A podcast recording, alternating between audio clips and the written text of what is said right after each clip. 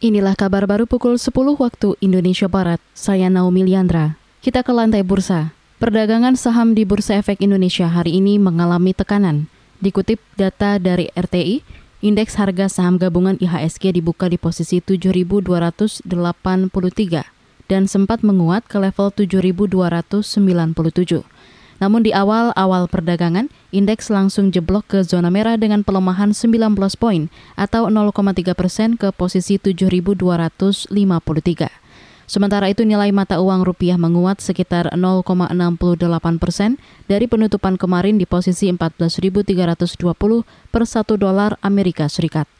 Komisi 1 DPR mengagendakan untuk kembali membahas rancangan Undang-Undang Perlindungan Data Pribadi usai Lebaran.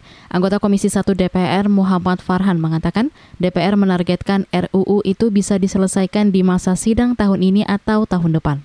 Dari pimpinan DPR untuk dibahas oleh Komisi 1 beserta panja dari pihak pemerintah pada masa sidang setelah lebaran nanti. Nah, masa sidang selama kurang lebih enam minggu ini akan dimanfaatkan sebaik-baiknya untuk kami di Komisi 1 dan juga panja pemerintah untuk mengetahui kira-kira ada peluang apa saja yang bisa kita manfaatkan untuk mempercepat pembahasan.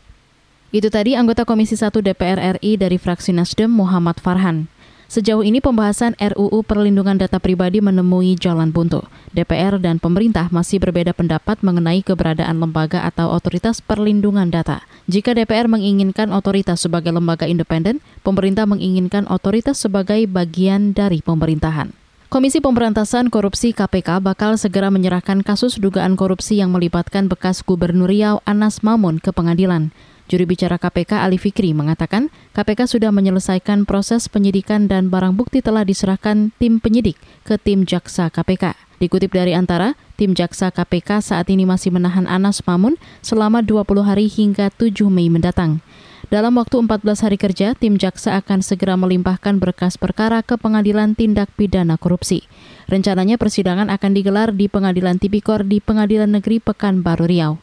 KPK sebelumnya menetapkan bekas Gubernur Riau Anas Mamun sebagai tersangka pada 30 Maret lalu. Anas diduga terlibat penyuapan ke sejumlah anggota DPRD Riau untuk memuluskan anggaran. Anas Mamun sebelumnya pernah juga dipenjara enam tahun dalam kasus korupsi lain dan bebas pada 2020 lalu. Saudara, demikian kabar baru KBR. Saya Naomi Liandra, undur diri.